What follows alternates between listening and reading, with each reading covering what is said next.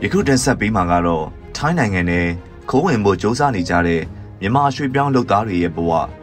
စာဝတ်နေရေးညွန်နဲ့ရုန်းကန်နေကြရတဲ့လူထုလိုမြင်ရတဲ့ဘုံမခဆောင်ပါပဲဖြစ်ပါတယ်။နေ့စဉ်သတင်းတွေထဲအစဉ်အမြဲပါနေကြသတင်းအကြောင်းအရာတစ်ခုကထိုင်းနိုင်ငံနဲ့တရားမဝင်ဝင်ရောက်ဖို့ကြိုးစားတဲ့မြန်မာနိုင်ငံကရွှေပြောင်းလုပ်သားတွေဖမ်းဆီးခံကြရတဲ့သတင်းအကြောင်းအရာဖြစ်ပါတယ်။နေ့စဉ်ဖြစ်ပျက်နေတာဖြစ်လို့ မထူးဆန်းမှုသတင်းမဟုတ်ဘူးလို့တော့ယူဆစရာရှိကောင်းရှိပေမဲ့တကယ်တော့အဖြစ်အပျက်တွေကနေ့စဉ်ထူးခြားတဲ့အဖြစ်အပျက်တွေအသက်ဆုံးရှုံးမှုတွေအထိဖြစ်ပျက်နေတာကကြားနေကြသတင်းပေမဲ့ဖြစ်ရက်တွေကတစ်ချိန်နဲ့တစ်ချိန်မတူဘဲထူးခြားနေတာဖြစ်ပါတယ်။တရားမဝင်ဝင်ရောက်ဖို့ကြိုးစားတဲ့မြန်မာနိုင်ငံသားတွေတင်ဆောင်လာတဲ့ကားမှောက်လို့အသက်ဆုံးရှုံးကြရတဲ့သတင်းမျိုးလဲမကြာခဏကြားသိကြရသလို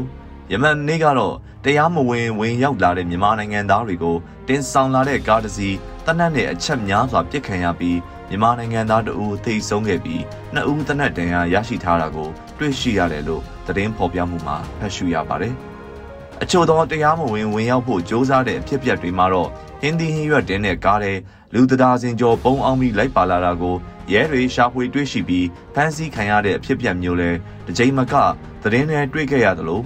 တောတဲ့ရက်အတန်ကြာပုံအောင်နေကြရလို့စားစရာလုံလုံလောက်လောက်မပါပဲတောတဲ့တောင်နဲ့ခိုအောင်ပြီးခိုးဝင်ဖို့ကြိုးစားကြရတဲ့သတင်းတွေလည်းမကြာခဏသတင်းတွေလည်းဖတ်ရှုကြရတာဖြစ်ပါတယ်။လူမောင်ခိုကူးသူတွေကိုမြမငွေသိန်း10ကနန်းချီပေးပြီးအခုလိုခိုးဝင်ဖို့ကြိုးစားကြရတာလည်းဖြစ်ပါတယ်။ငွေသိန်း10ကနန်းအထိပေးပြီးတရားမဝင်ဝင်ရောက်ရတဲ့အချိန်လေးလမ်းမှာကားမတော်တဆဖြစ်ပွားခဲ့ရင်အသက်ဆုံးရှုံးနိုင်ခြေအခုလိုတနတ်နဲ့ပြစ်ခံရရင် အသက်ဆုံးရှုံးနိုင်ခြေစသဖြင့်အန်ရီရဲ့အမျိုးမျိုးကြားကထိုင်းနိုင်ငံမှာအလုတ်သွားရောက်လို့ဖို့စ조사နေရတဲ့အခြေအနေကမြန်မာနိုင်ငံအတွင်းမှာအလုတ်အကင်အခွင့်အလမ်းဘလောက်ထိကျဆင်းနေသလဲဆိုတာကိုထင်ဟပ်ပြသနေတာဖြစ်ပါတယ်။စက်ယုံအလုတ်ယုံတွေမှာအလုတ်အကင်အခွင့်အလမ်းတွေနှဲပါနေတာကျေးလက်တွေမှာမတိမငြိမ်ဖြစ်နေတာကြောင့်လုံခြုံမှုမရှိတဲ့အနေအထားကနေတစ်ဖက်နိုင်ငံမှာတရားမဝင်နေရတာဖြစ်ပေမဲ့အလုတ်အကင်အခွင့်အလမ်းနဲ့ တည်ငြိမ်တဲ့အခြေအနေရှိလို့တွားရောက်ဖို့ဆုံးဖြတ်ကြတာလို့ကောက်ချက်ချမိပါတယ်။73စီဈေးနှုန်းမြင့်တက်တာငွေကြေးလဲလှယ်နှုန်းတွေမတည်ငြိမ်တာဗန်စနစ်မှာငွေလဲပတ်မှုအကျက်အတဲရှိနေတာတွေက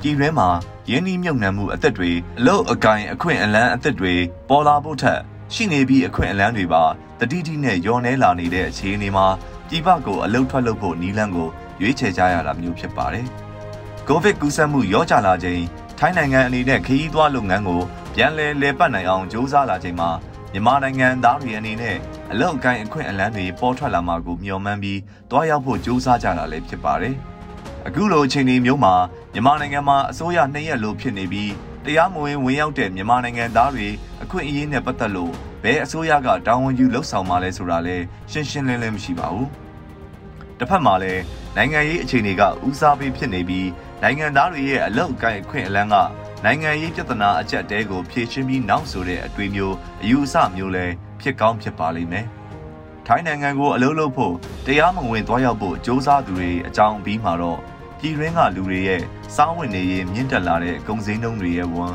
ဝင်ငွေကျဆင်းအလုတ်အကိုင်ခွင့်လန်းရော်နေလာတဲ့အခြေအနေဒေသအတော်များများမှာလုံခြုံရေးအခြေအနေမကောင်းတဲ့အခြေအနေတွေက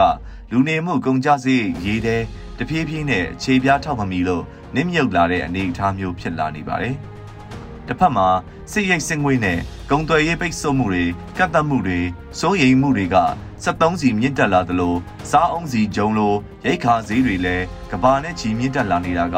မြန်မာနိုင်ငံကိုလည်းအတိုင်းအတာတစ်ခုထိရိုက်ခတ်နေပါတယ်။စံစဘာက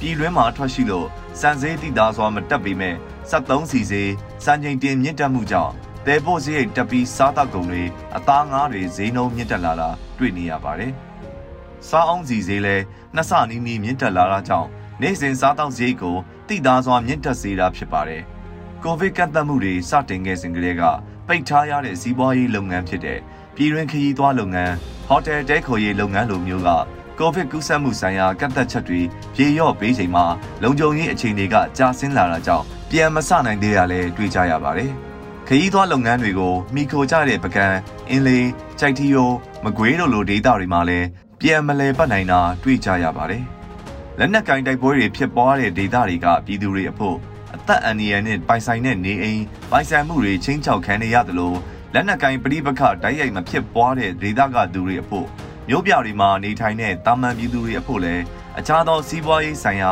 လူနေမှုစည်းရိမ်မြင့်တက်လာတာဝင်ငွေအခွင့်အလမ်းရှားပါလာတာရဲ့နှစ်ဖက်သောအကျိုးသက်ရောက်မှုတွေနဲ့ဒီရေတက်လာလို့အပြေးပြေးခြေထောက်လို့မမီတော့တဲ့အနေအထားမျိုးနဲ့အလားသဏ္ဍာန်တူနေတဲ့ဘဝမျိုးဖြစ်လာနေပြီဖြစ်ပါတယ်ခင်ဗျာ။